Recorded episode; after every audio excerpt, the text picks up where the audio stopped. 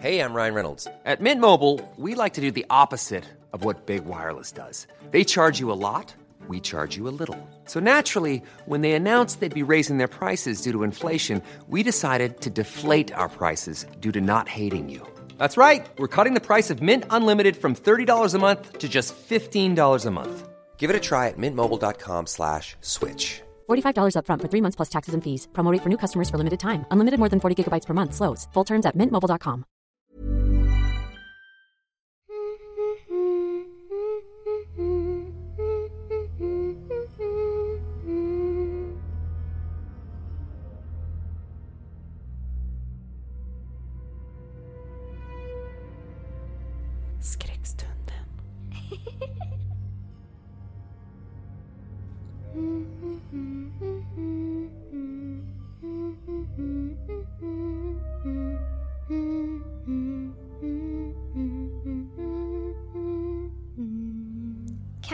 you can. I am right behind you.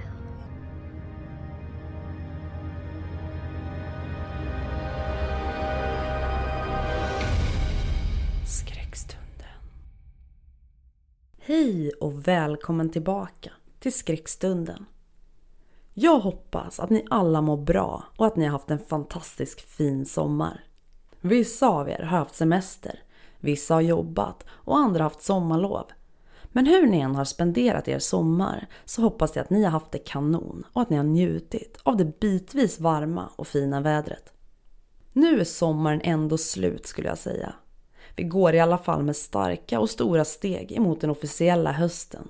Och vad passar inte bättre då när mörkret kryper in på att dra igång skräckstunden igen med en ny sprakande färsk säsong. Vi är redan på säsong 4. Jag kan inte förstå hur tiden går så snabbt.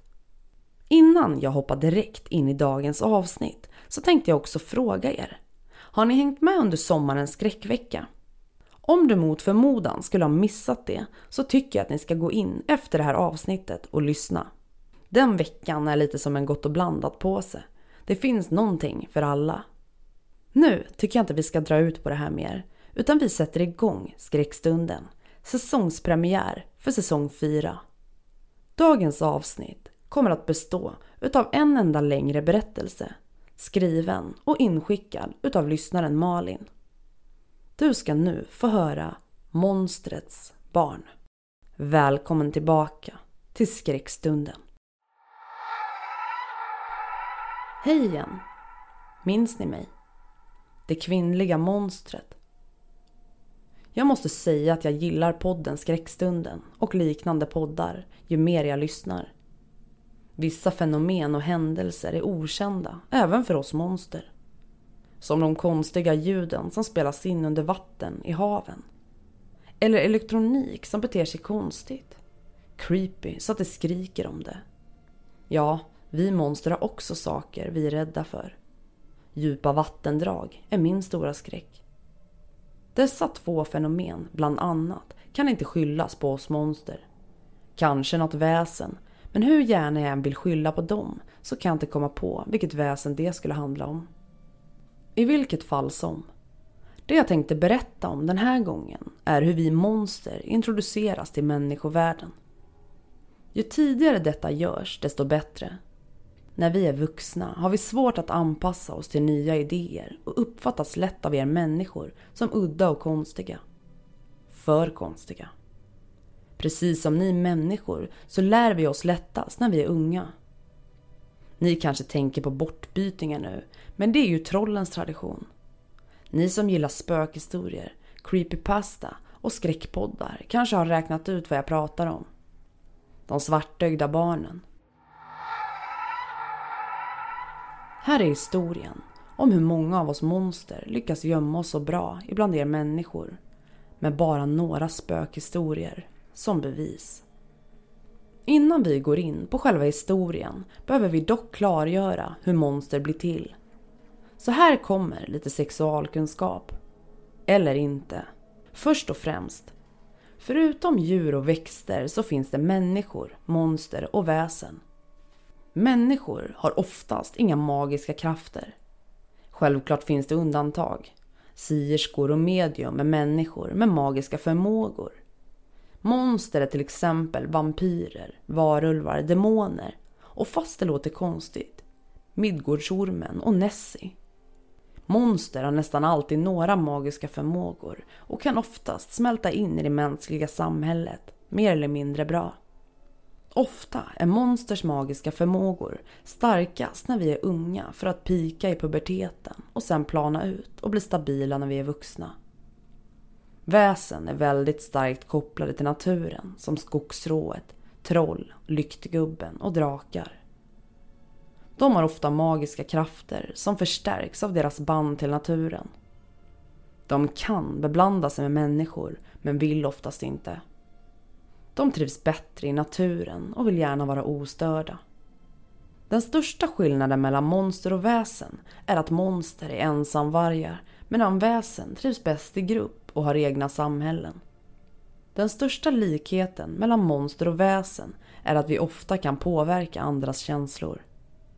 Vi kan inte utöva tankekontroll eller läsa andras tankar men vi kan påverka andras känslor i den riktning som vi väljer. Människor känner sällan av det om man gör det på rätt sätt. Vi monster har dock en underförstådd överenskommelse att vi bara använder detta mot varandra när det handlar om liv och död. När det gäller människor använder vi det mest under jakten. Annars försöker vi att undvika så långt det går för att undvika upptäckt. När det gäller väsen är det fritt fram att använda det Speciellt då de använder det mycket mer och friare än vad vi monster gör. Vart kommer då monster och väsen ifrån? Bra fråga. Big Bang? Någon gud? Lillit? Vi vet ärligt talat inte varför det finns både människor, väsen och monster. Men två människor kan inte få barn som är monster eller väsen. För att få ett monsterbarn måste båda föräldrarna vara monster. Om ett väsen och ett monster skulle få barn, vilket är högst osannolikt, kommer barnet till 90% att bli ett väsen. Om människor och monster får barn kan det bli antingen eller. Väsen och människor händer oftare att de får barn än monster och människa.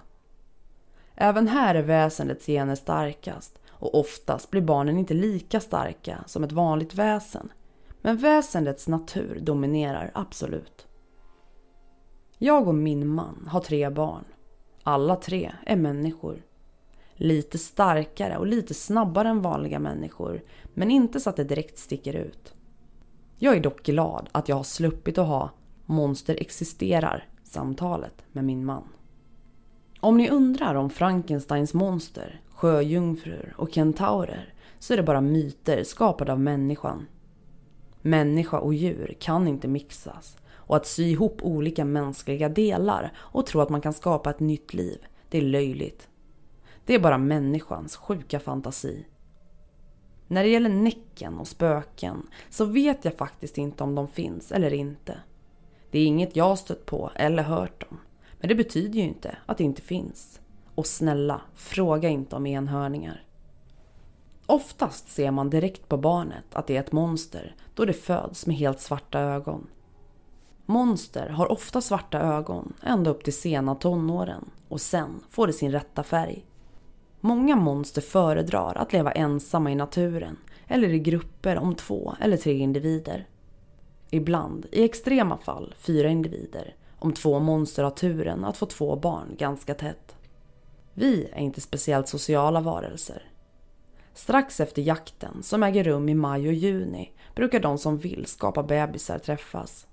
Då har vi som lättast att lyckas med det. Det finns några få utvalda ställen över världen för just detta eh, evenemang. Det som vill och kan tar sig dit. Vi har dock insett att vi behöver lite nytt blod och det är mycket därför som vi interagerar med människor. Den andra anledningen till att det är för att det underlättar jakten om vi smälter in i människornas samhälle istället för att sticka ut. Nog om det. Detta är inte en biologilektion. Nu ska jag berätta om hur vi bär oss åt för att ta oss in i det mänskliga samhället.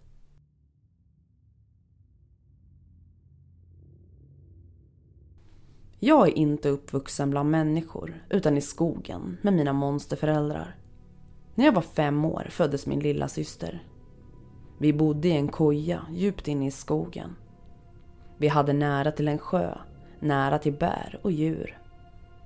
Ibland, när det var ont om mat eller dåligt väder, flyttade vi till en annan region och bodde där ett tag. Men omgivningarna var ofta detsamma. Mor och far hade en favoritplats som de ofta återkom till. När det var jakt lämnades vi barn ensamma i grupper för att ta hand om varandra. Det blev ofta slagsmål eller brottningsmatcher efter några dagar tillsammans. Men så fort det dök upp ett yttre hot var vi sammansvetsade som få.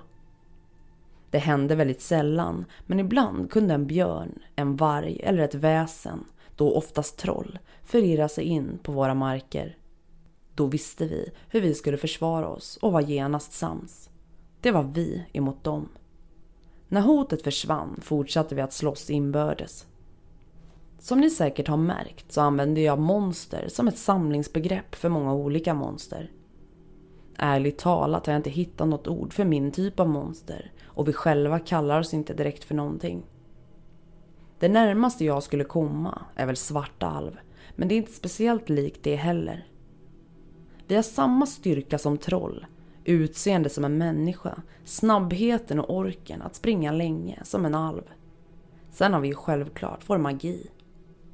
Jag kan inte komma på att vi i våran stam eller falang, eller vad man ska kalla våran löst ihopsatta grupp, har speciellt många regler. Utom två. Påverka inte andras känslor om du inte måste. Samt att man får inte följa med och jaga förrän man har fått sin riktiga ögonfärg. De svarta ögonen är för avslöjande.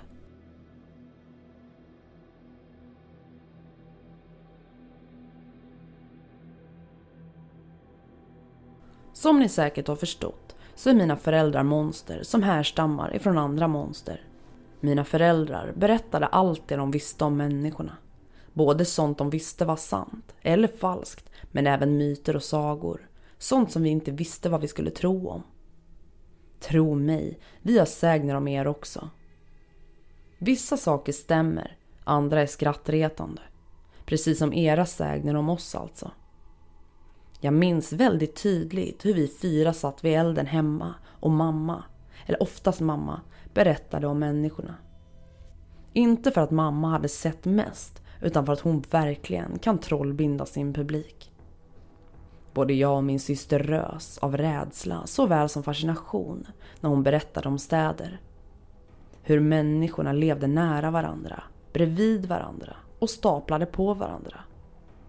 Det var så annorlunda, så exotiskt.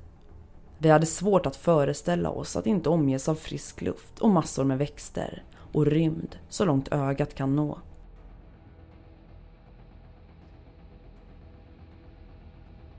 Jag minns fortfarande när pappa berättade för oss att det var dags. Vi skulle få träffa människor. Jag var 12 år, min lilla syster 8 år. Vi pep till av förtjusning. Äntligen! Trots att vi monster vet att vi måste beblanda oss med människor för vår överlevnad så är det en stor grej för oss. Det är inte alla som klarar av det. En hel del monster som lever med människor återvänder efter några år till monstren. Dels på grund av det sociala trycket, men mest för att aldrig helt och hållet bli sedd för den man är. I alla fall, jag och min syster skulle få träffa människor. Förhoppningsvis. Vi kunde inte sitta still utan studsade upp och ner på stället där vi satt. Trästammen vi satt på skakade medan vi hoppade upp och ner och babblade i munnen på varandra. Mamma och pappa bara skakade på huvudet och fortsatte att grilla kanin.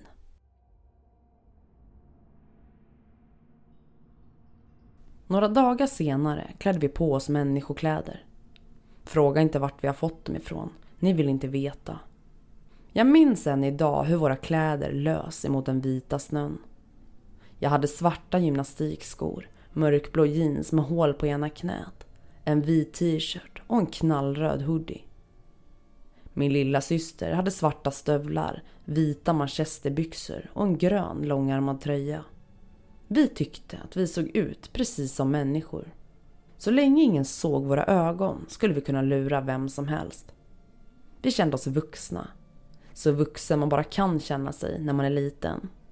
Vi skulle egentligen få lära oss om människovärlden.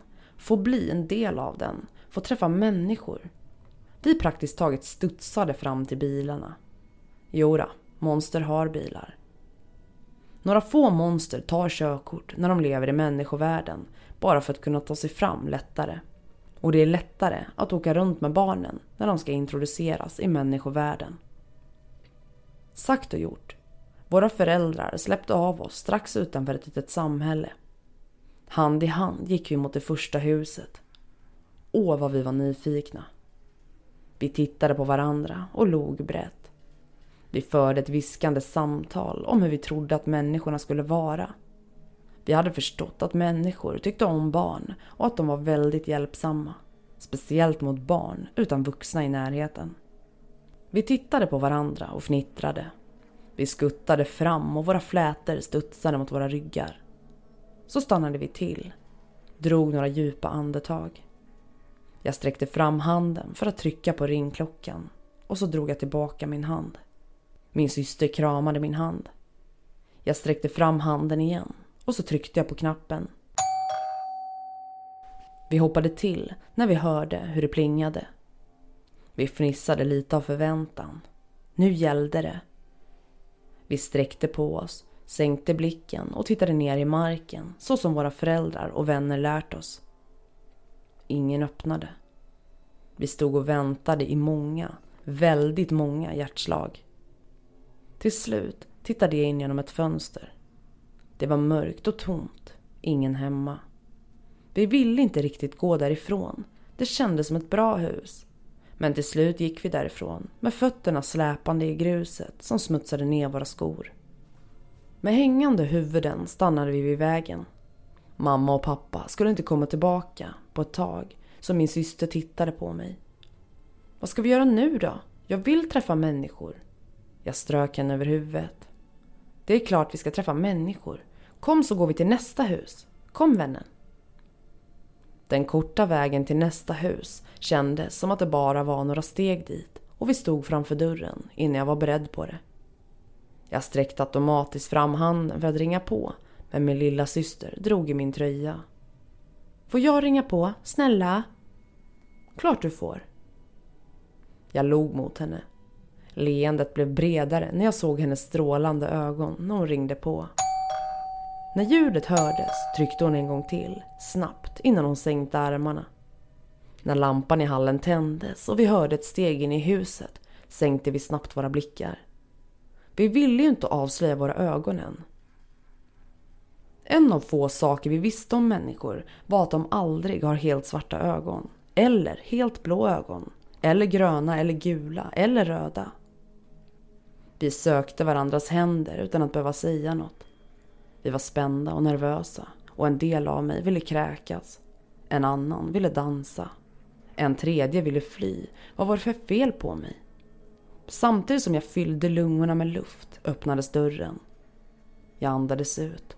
Vi hade bestämt att jag skulle prata mest eftersom jag var äldst. Vi behöver låna telefonen. Vi behöver ringa våra föräldrar. Jag kämpade hårt för att inte gnida min lediga hand över bröstet. Hjärtat bankade så hårt att jag knappt kunde höra något annat. Jag ville titta upp, se vad som hände. Varför sa inte människan något? Varför stod hon bara där som fastfrusen precis där huset tog slut och blev utomhus? Jag trodde i alla fall att det var en kvinna för hon hade bröst precis som kvinnliga monster har. Jag ville titta upp men inte än. Jag kramade min systers hand för att få styrka. Snälla, kan vi få låna telefonen? Vi behöver ringa våra föräldrar. Uh, mm, det är ganska sent. Uh, borde inte ni vara hemma? Vi måste låna telefonen. Vi måste ringa våra föräldrar. Varför släppte hon inte in oss? Människor brukade ju vara snälla mot barn. Eller de flesta människor i alla fall. Jag försökte andas lugnt och verka ofarlig och vänlig. Kvinnan gjorde en ansats att stänga dörren så jag sträckte ut mitt sinne för att lugna henne. Låta henne få veta att vi är vänliga. Jag kände hennes tvekan och ville inte utöva mer påverkan. Så öppnade hon dörren. Kom in. Tack.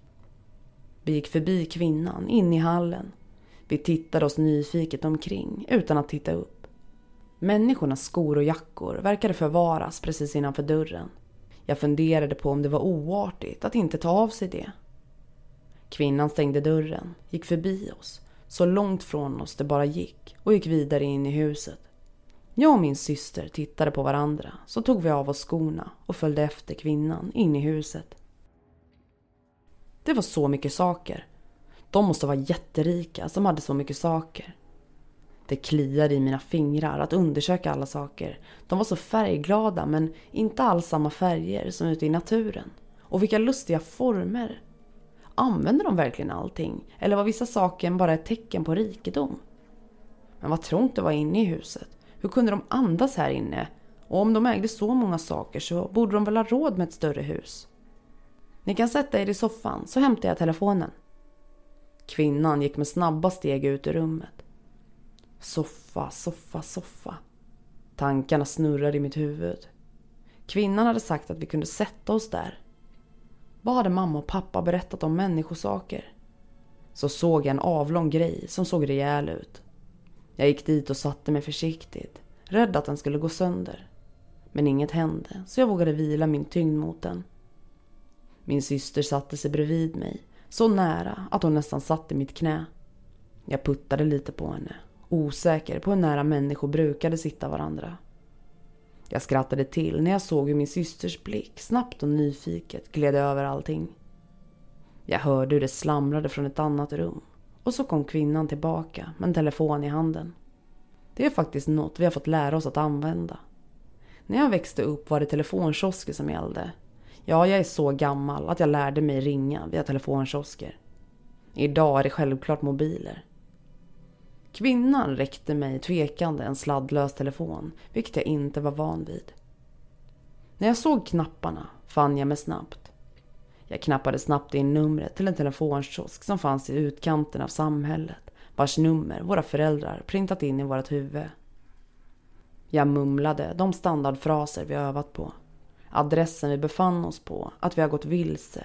Kunde de hämta oss? Så la jag på och räckte telefonen till kvinnan. Tack så väldigt mycket, sa jag med ett leende. Mm, eh, det var så... Det, det var så... var så... Kvinnan tog emot telefonen men stod stelt kvar på samma ställe som hon stått och sen gett mig telefonen. Jag märkte att hon tuggade på sin underläpp och så drog hon ett djupt andetag. Det var så lite så. Kommer era föräldrar snart? Jag misstänkte att det var menat som en fråga och nickade. Jag försökte se snäll och vänlig ut samtidigt som tankarna får runt i huvudet som hungriga råttor. Förutom våra ögon hade vi gjort något fel, betett oss konstigt. Jag insåg att hon väntade på ett svar så jag nickade snabbt. Ja då, de var nära sa de. Vi kan gå ut och vänta om du vill. Jag kände hur min syster klämde till om mitt ben. Det här var inte en del av planen. Tanken var att vi skulle stanna in hos människorna så länge som möjligt för att lära oss dem. Men jag var så nervös att nerverna hotade att hoppa ut ur kroppen. Det enda jag kunde höra var pulsen i mina öron. Kvinnans oro sipprade ut från henne och sakta in i mig, vilket inte gjorde situationen lättare för mig att hantera. Jag bokstavligt talat såg hur en massa ursäkter rusade runt i huvudet på henne. Hon ville verkligen bli av med oss, men ville inte vara oartig. Så slappnade hon av, bara lite, lite grann. Nej då, det är ingen fara. Om de, era föräldrar alltså, kommer snart så kan ni vänta här inne. Det är verkligen kallt ute men vad jag svamlar. Vill ni ha lite varm O'boy medan ni väntar? Kvinnan skrattade ett högt och gällt skratt som fick oss att frysa mycket mer än kylan där ute. Hennes fingrar rörde sig konstant över hennes halsband. Jag försökte febrilt komma på om jag hade hört ordet O'boy tidigare men kvinnan väntade inte på svar utan småsprang ut i köket och började slamra med kastruller. O'boy, det borde vara något ät eller drickbart. Förhoppningsvis inget som var giftigt för monster. Jag snarare kände än såg hur min syster lös upp när en gul spräcklig katt kom in i vardagsrummet. Den gick sakta och tittade avvaktande på oss. Hej söta katten! Snälla söta katten, får jag klappa dig? Min syster gled ner från soffan och satte sig på golvet. Katten väste lågt, stod stilla så långt ifrån oss den kunde komma men ändå var kvar i rummet. Den var fullt fokuserad på oss och den litar inte på oss ett skvatt. Djur ser oss som vi är. De kan vi inte lugna eller lura med tanke på verkan. Min syster fortsatte att locka på den men katten fräste ordentligt när hon försökte komma närmare den. Så sprang den in i köket. Min syster satte sig bredvid mig i soffan igen och la huvudet mot min axel.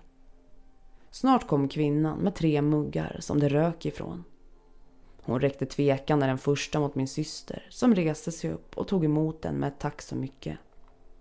Alla vuxna monster har präntat in i den att i människors värld är det artigt att ställa sig upp när man interagerar med dem som är äldre än en själv. När min syster tog muggen mötte hennes fingrar kvinnans som direkt ryckte undan sin hand med en skrämd blick på min syster. Hon vände sig mot mig, började räcka mig en mugg men ställde sig ner den på bordet framför mig. Tack så mycket. Vad gott det luktar. Det smakar jättegott. Smaka Cassandra. Jag vände mig mot min syster för att skälla på henne för att hon hade nämnt mitt namn inför en människa. De första tre och de absolut viktigaste reglerna som Monster fick lära sig var 1. Avslöja aldrig för en människa vad du är om det inte handlar om att rädda ditt eget liv. 2. Visa aldrig dina svarta ögon för någon människa. 3. Avslöja aldrig någonsin ditt rätta namn för någon utanför din egen familj. Dessutom hade hon inte väntat på att kvinnan sagt varsågod, vilket vi förstått var viktigt för människorna. Ibland i alla fall. Men när jag såg henne tystnade jag. Hon höll båda händerna runt koppen, blundade och drack i djupa klunkar. Lite av drycken hade fastnat på hennes överläpp så det såg ut som hon hade mustasch. Lilla syster, så söt hon var. I ögonvrån såg jag hur kvinnan log osäkert. Så smakade jag själv på drycken. Den smakade inte som något annat som jag smakat. Men systern hade rätt. Det var jättegott. Jag smuttade på drycken trots att jag ville göra som min syster och hälla i mig den. Jag behövde varva ner. Jag smakade verkligen på drycken och ville minnas dess smak. Det var definitivt en sak i människovärlden som var bättre än hos oss. Har ni aldrig smakat O'boy förut? Kvinnan tittade forskande på mig och jag skakade på huvudet. Nej, det har vi inte. Men det är gott. Väldigt gott. Ni tror inte att era föräldrar blir arga för att ni har fått det? Nej, varför skulle de bli det? För att det är socker i. Ni kanske är såna där renlevnadsmänniskor? Nej då, ingen fara. Just då tutade en bil utanför. Jag reste mig lättat upp. Våra föräldrar var här och jag drack upp det sista av chokladen. Räckte min syster en liten tygbit att torka sig om munnen med innan hon hann torka av sig på kläderna. Det är mamma och pappa. Tack så mycket för O'boy. Lilla systern sprang mot dörren. How would you like to look five years younger? In a clinical study, people that had volume added with Juvederm Voluma XC in the cheeks perceived themselves as looking five years younger at six months after treatment. Look younger, feel like you. Add volume for lift and contour in the cheeks with Juvederm Voluma XC. Reverse signs of aging by adding volume to smooth laugh lines with Juvederm Volure XC. For important safety information and to find a licensed specialist, visit juvederm.com. That's J U V E D E R M.com. Not for people with severe allergic reactions, allergies to lidocaine, or the proteins used in Juvederm. Common side effects include injection site redness, swelling, pain, tenderness, firmness, lumps, bumps, bruising, discoloration, or itching. There's a risk of unintentional injection into a blood vessel, which can cause vision abnormalities, blindness, stroke, temporary scabs, or scarring. Talk to a licensed specialist to find out if it's right for you. Ryan Reynolds here from Mint Mobile. With the price of just about everything going up during inflation, we thought we'd bring our prices down. So to help us, we brought in a reverse auctioneer, which is apparently a thing. Mint Mobile unlimited premium wireless. Ready to get 30, 30, bit to get 30, bit to get 20, 20, 20, bit to get 20, 20, bit to get 15, 15, 15, 15 just 15 bucks a month. So, Give it a try at mintmobile.com slash switch. $45 upfront for three months plus taxes and fees. Promo rate for new customers for limited time. Unlimited more than 40 gigabytes per month. Slows. Full terms at mintmobile.com. Kvinnan såg extremt lättad ut när jag följde efter min syster. Vi tog på oss skorna och lilla syster öppnade dörren och sprang ut med en vinkning till kvinnan. Jag tittade upp och mötte snabbt hennes blick. Tack för bojen och för att vi fick låna telefonen. Är det verkligen era föräldrar? Jag menar, jag vill inte att ni råkar illa ut. Ja, det är det. Våra föräldrar alltså. Tack igen. Sov gott. När jag gick mot bilen, som lilla syster redan satt sig i och pratade med mamma och pappa, sträckte jag försiktigt ut mina tankar mot kvinnan för att lugna hennes oro. Så fort bilen körde ut från parkeringen framför huset somnade jag. Dagarna närmast efter vi träffat kvinnan hade jag och lilla syster svårt att prata om någonting annat. Mamma och pappa svarade så gott de kunde på våra frågor men efter några dagar tröttnade de. Mamma, som satt och grillade ekorrar över elden, spände blicken i oss och röt att det var sluttjatat om människor till nästa gång vi fick besöka deras värld. Hon pekade på oss med pinnen som ekorrarna var uppspända på och vi tystnade direkt. Dels var vi hungriga, men dels insåg vi vad hon hade sagt. Vi skulle få besöka deras värld igen. Vi hade klarat det första försöket. Vi satte oss på våra händer för att försöka sitta still men tittade glatt på varandra. Vi skulle få se människor igen. Tiden gick. De kommande åren besökte vi människobyar två till fyra gånger per år. Vi blev vanare och vanare vid människornas sätt att klä sig, prata och uppträda.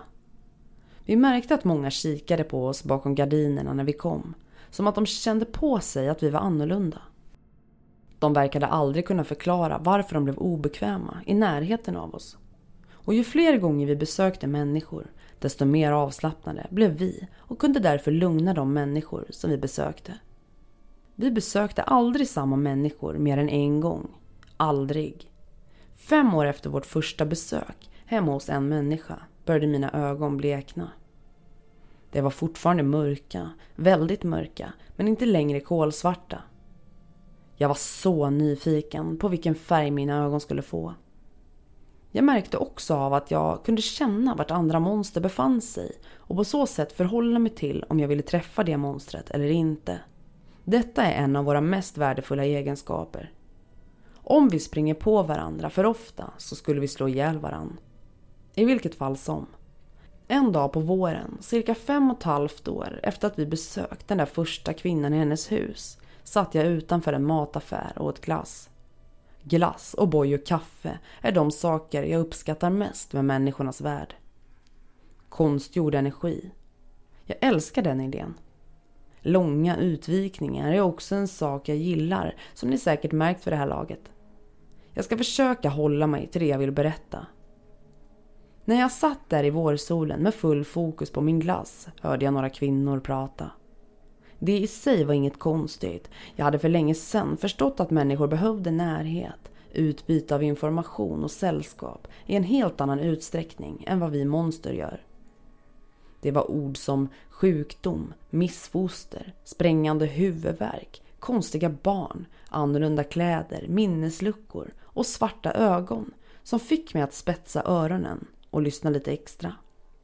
Visst, vi var och är fortfarande så diskreta vi kunde och kan när vi är i människornas värld. Och människor vill helst inte se eller kännas vid de som är annorlunda.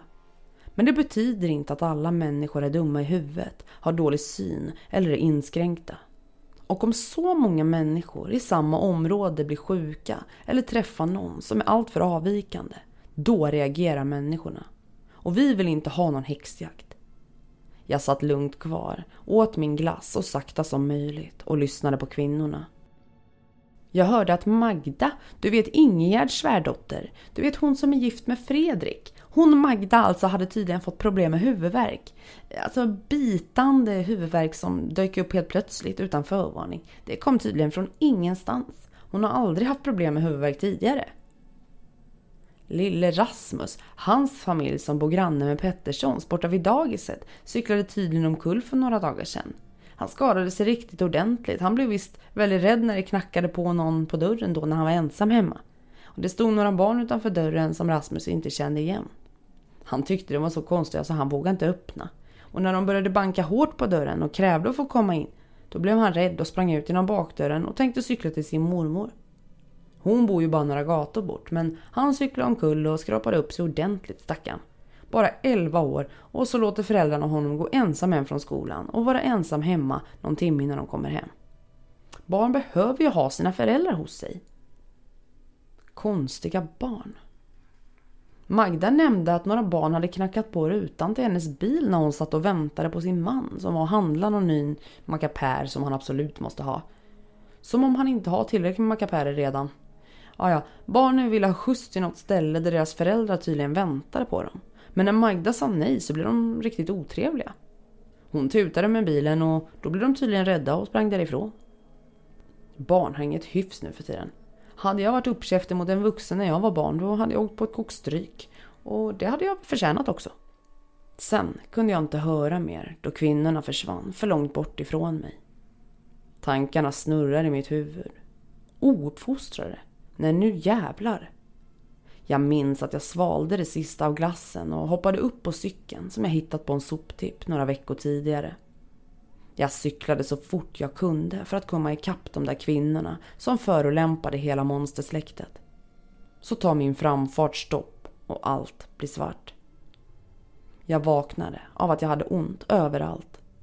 Jag stönade och försökte sätta mig upp men vart yr, illamående och fruktansvärt trött. Jag lyckades vrida mig tillräckligt mycket för att slippa kräkas på mig själv. Vad hade hänt? Och vad var jag? Jag försökte se mig omkring, men även de långsammaste ögonrörelserna fick omgivningen att gunga och mitt illamående att stiga. Jag blundade och hoppades att omgivningen skulle lugna ner sig. Jag kände att jag låg på något kallt underlag som inte var naturligt. Det borde alltså vara ett golv. Jag varken hörde eller kände vind, regn, solsken, trafik eller några röster. Jag kände inga bekanta lukter, varken gräs, djur eller sjön. Alltså var jag inomhus, men varför? Jag slog upp ögonen igen. Omgivningen gungade lite fortfarande, men om jag rörde ögonen sakta så gick det bra. En smäll bakom mig fick mig att vrida snabbt på huvudet för att se vad det var. Och allt blev svart igen. Nästa gång jag vaknade till kände jag mig klarare i huvudet. Jag lyckades sätta mig upp. Ingen smärta, inget illamående. Jag slog upp ögonen. Omgivningen var stilla. Jag andades ut. Jag började se mig omkring på allvar. Även om jag var dåsig och svagare än vanligt så borde det inte vara något problem att ta sig ut. Jag försökte resa mig upp, men det gick inte. Sakta kröp jag till en av pelarna som fanns i rummet för att försöka resa mig med hjälp av den. När jag kom dit var jag utmattad och svetten rann om mig. Jag gillade det inte. Jag satte mig med ryggen mot stolpen för att samla kraft. En rörelse i ögonvrån fick mig att rycka till. En man kom sakta fram ur skuggorna. Han klappade sakta i händerna. Även om jag aldrig varit med om när någon gjorde så, så fick jag en stark känsla om att det var en negativ gest. Jag följde honom med blicken medan han sakta kom fram till mig. Han satte sig på huk framför och höll upp en burk med ett pulver i. Hagtorn, sa han och skakade burken. Va? Häng med flicka lilla. Hagtorn. Det dämpar ångest, sänker blodtrycket, får nervsystemet att slappna av. Precis vad jag behövde för att hindra dig från att avslöja oss. Avslöja vad? Någonting gjorde mig trögtänkt och att spela dum var inte speciellt svårt. Dessutom kände jag mig svag och öm i hela kroppen. Mannen såg vältränad ut, hade långa ben. Inte en chans att jag skulle kunna springa ifrån honom. Han hade ett alldagligt utseende och svårdefinierbara drag. Åldern lika så. Han skulle kunna passera för både 20 och 50 år. Det enda som stack ut var att han var lite för blek, även för att bo så pass långt norrut som vi gjorde. Din identitet, vad du är, Eller hur? Som du rusade framåt de där kärringarna. Du skulle avslöjat oss rakt framför massvis med människor. Du ska vara tacksam att jag stoppade dig, men du är ju bara en liten snorvalp. Det är ett under att du överhuvudtaget får ströva fritt. Jag är faktiskt 17. Jag muttrade lågt, men han skrattade ett rungande, bullrande skratt medan han slog sig på knäna. Ja, jag sa ju det. En snorvalp. Jag tänkte faktiskt inte... Det var väl det jag förstod. Du tänkte inte. Avslöja något om något. För dina ögon är ju så diskreta. Eh, nej. Och ditt rörelsemönster var helt och hållet mänskligt? Eh, jo. Och din konversationsteknik är lysande och briljant. Kärringarna hade ju verkligen trott att du är en människa. Bara för att du har supersyn. Jag kände din närvaro flera kilometer bort, vilket var tur för mig. Jag har alltid varit nyfiken på hur monsterblod smakar. Hans ena långfinger gled längs mitt ansikte. Hans ansikte var alldeles för nära mitt. Hans lätt rödsprängda ögon stirrade forskande på mitt ansikte. En intensiv blick. Jag tvingade mig att möta hans blick. Jag kände verkligen inte att jag ville visa den där knäppskallen hur obehaglig jag tyckte att han var. Så rynkade han på näsan. När badade du senast? Badade? Varför skulle jag göra det? För att du stinker. Du stinker svett och skog. Såklart jag luktar skog. Hur skulle jag annars lukta? Skulle jag lukta fisk skulle ju djuren attackera mig. Trots att mannen såg uråldrig ut på ett tidlöst sätt verkar han inte veta mycket om hur livet fungerade. Bada? Vad var det för trams? Att lukta något annat än skog var ju att be om problem. Att lukta brand kunde man komma undan med, men inte mycket annat. Jag började inse att risken var stor att jag skulle dö här och nu. Mannen framför mig var antagligen en galning och att porta sig ur knipan var därför inte ett alternativ. I vår kultur, om man kan kalla våra historier för kultur, finns något vi kallar för mandolosolo eller eresensia. Det är svårt att översätta till något annat språk, men mandolosolo betyder typ sinne fångad i sin egen kropp eller fångad i sitt eget sinne. Eresensia betyder typ för ensam. Även om vi monster mår bäst av att leva ensamma så behöver vi då och då kontakt med andra levande varelser för att inte bli, tja, skogstokiga, galna, knäppjökar. Om vi förlorar förståndet kan det få svåra konsekvenser. Tänk om människorna får reda på att vi finns. Det här låter jättefel när det kommer från mig, jag vet. Men vi vill verkligen inte bli jagade. Och människor är inte direkt öppna när det gäller saker de inte förstår. Titta bara på häxbränningarna, Frankensteins monster, vikingarna, korstågen. Människan vill kartlägga och utforska allt och man är inte direkt fredlig när man utforskar. Det är bättre att ni tror att vi inte finns. Ett enda galet monster eller väsen kan avslöja hela vår existens. En och en är människorna svagare än oss, men tillsammans. En grupp människor skulle lätt kunna övermanna och döda ett monster eller ett väsen. Ett slag med öppen handflata mot mitt ena öra fick det att ringa i det och illamåendet kom tillbaka. Jag blinkade för att få bort tårarna, svalde och kämpade för att hålla nere illamåendet. Jag ville inte kräkas igen. Jag ville inte visa hur svag jag var. Styrka och snabbhet var min enda chans att komma undan. Jag var och är fortfarande starkare och snabbare än de flesta människor. Men var jag snabbare och starkare än mannen framför mig? Jag tvingade mig att möta hans blick. Försökte få in så mycket information som möjligt om vad för något som han kunde vara. Du vet inte mycket om människan, eller hur flicka lilla? Va? Mamma och pappa skulle aldrig släppa iväg mig om jag inte smälte in. Ett höjt ögonbryn. Och det är vad då? Expert på människor? För det har levt bland människor eller smält in bland dem? Nej, men de har berättat om människorna.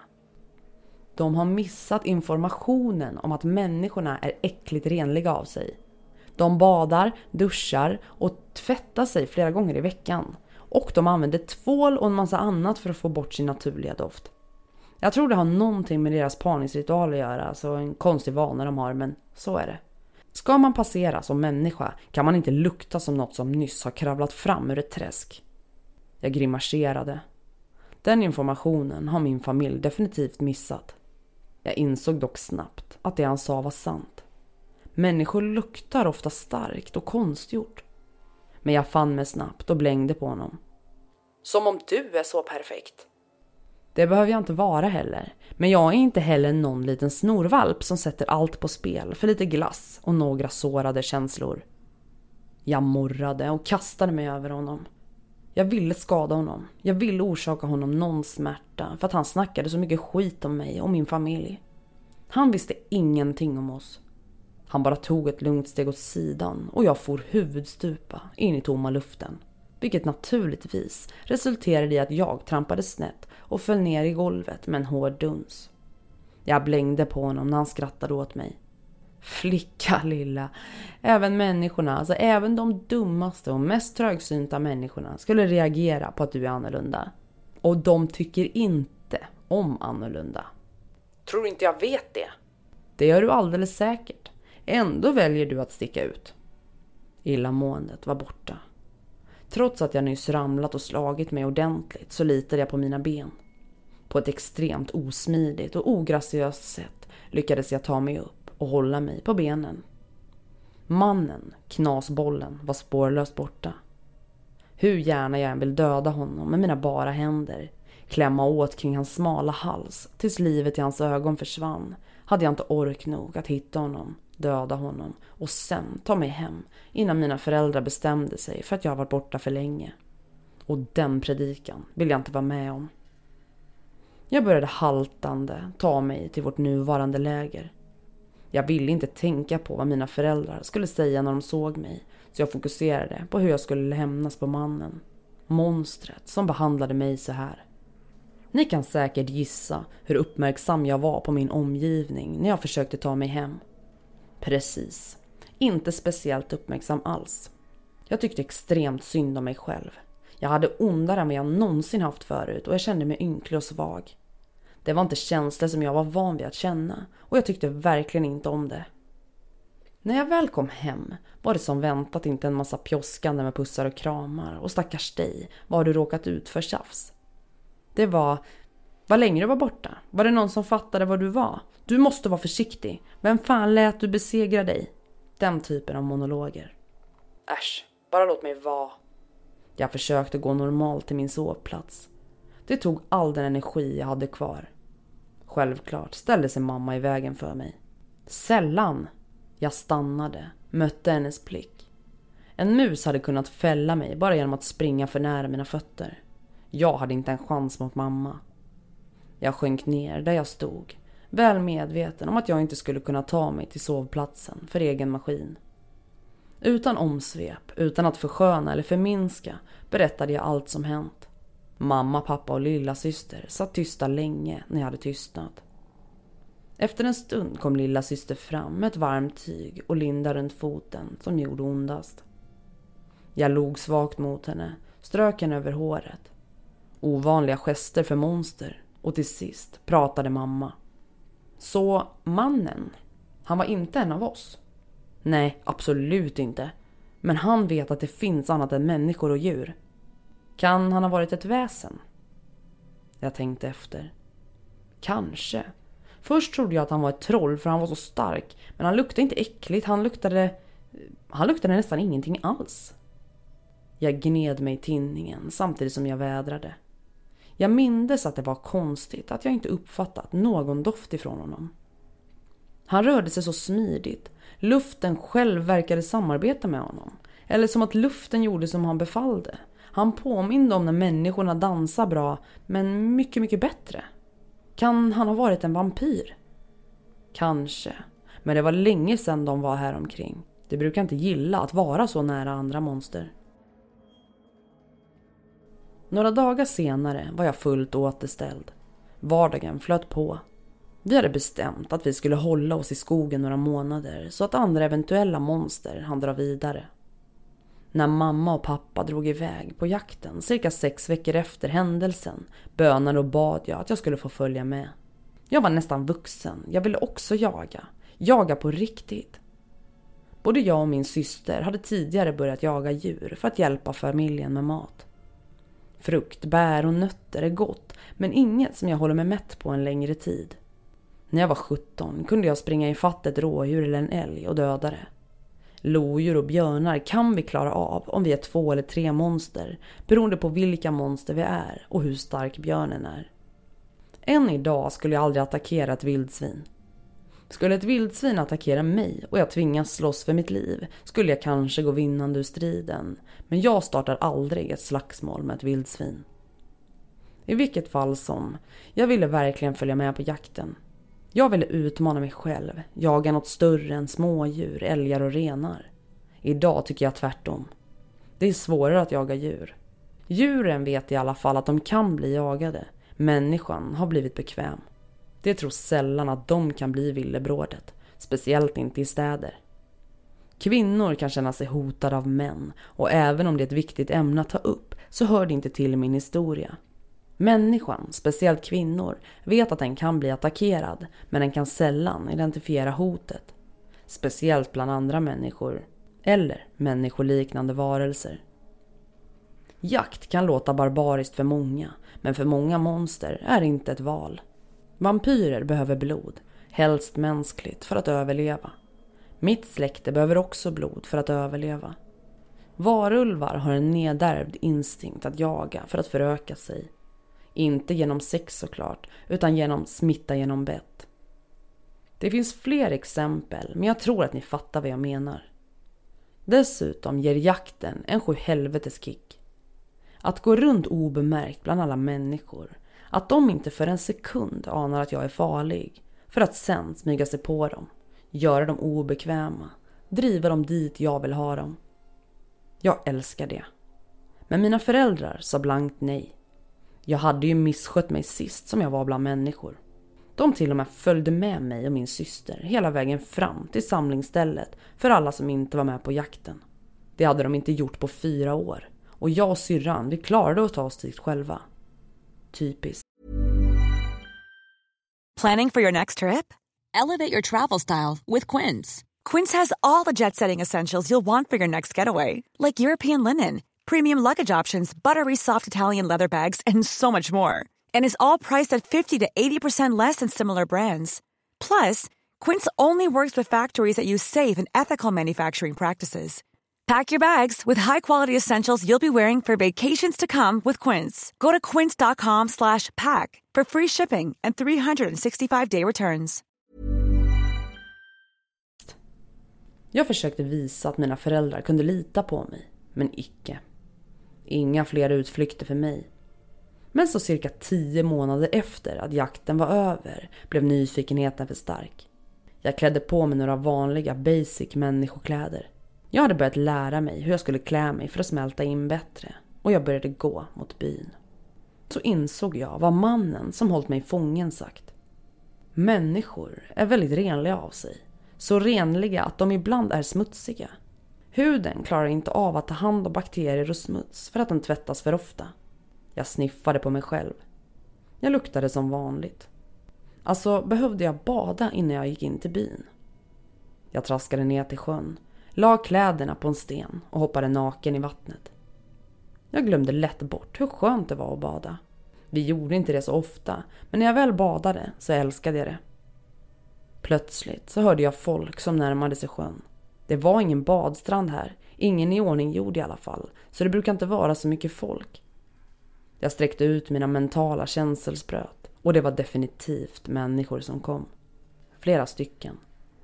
Jag tog mig till en del av sjön som viker av från resten, som en liten vik och försökte hålla mig så still och långt ner i vattnet som jag kunde.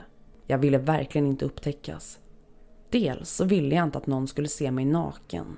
Men jag visste också att de flesta människor inte springer runt nakna så de skulle fatta att något var konstigt med mig. När de närmade sig sjön hörde jag deras samtal. Men gud vad mysigt det är här. Ja, eller hur? Varför är det inte skyltat hit? Alltså utan GPS hade vi ju aldrig hittat hit. Jag skulle vilja att fler hittade hit, men samtidigt inte. Alltså det är så orört, det är ju största charmen med det här stället. Så lugnt och rogivande, man kan andas här. De fortsatte att prata i liknande form. När de började bre ut sina filtar och handdukar smög jag upp i vattnet, torkade mig med den långärmade tröjan jag hade haft på mig. Jag klädde på mig de andra kläderna och knöt den långärmade tröjan runt midjan. Så försökte jag smyga bort från sjön. Det gick såklart inget vidare. När jag bara var några meter ifrån människorna, en familj på två vuxna och tre barn, trampade jag på en sten som rullade undan under min fot. Min fot vreds till och jag tappade balansen och åkte omkull med buller och brak. Det gjorde inte speciellt ont men jag blev rädd och skrek till. Såklart. Annars hade de kanske kunnat tro att det var något djur. Pappan reste sig upp från filten han satt på och spejade ut i skogen. Så fick han syn på mig och sprang fram till mig. Herregud vännen, hur gick det? Skadade du dig? Är du här ensam? Eh... Kom och sätt dig hos oss en stund. Min fru är sjuksköterska. Hon kan kolla att du inte skadat dig speciellt mycket. Mannen mer eller mindre lyfte upp mig på fötter och snart satt jag på en filt med familjens alla medlemmar som granskade min kropp för att se om jag var skadad. Hur i helvete skulle jag ta mig ur det här?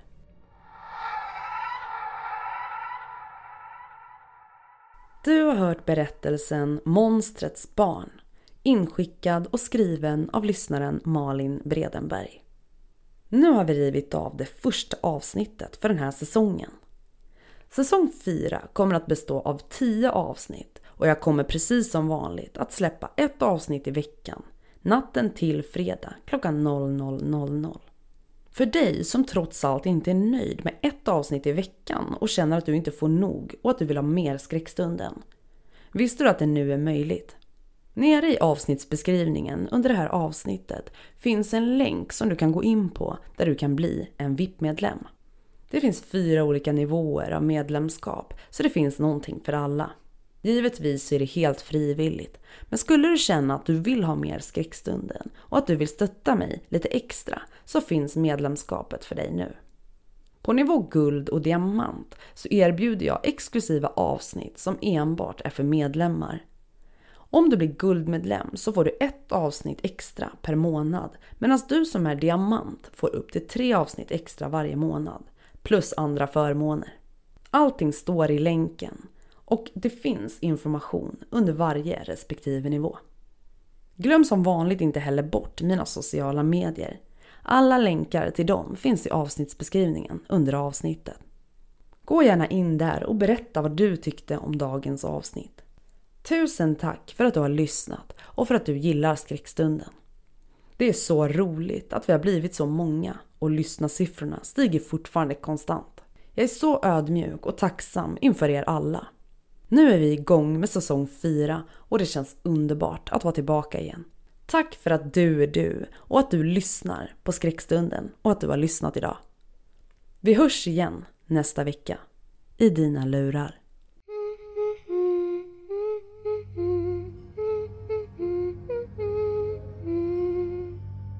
Du har lyssnat på Skräckstunden. En podcast som får ditt blod att frysa till is. Om du vågar så hörs vi snart igen. Catch me if you can. I am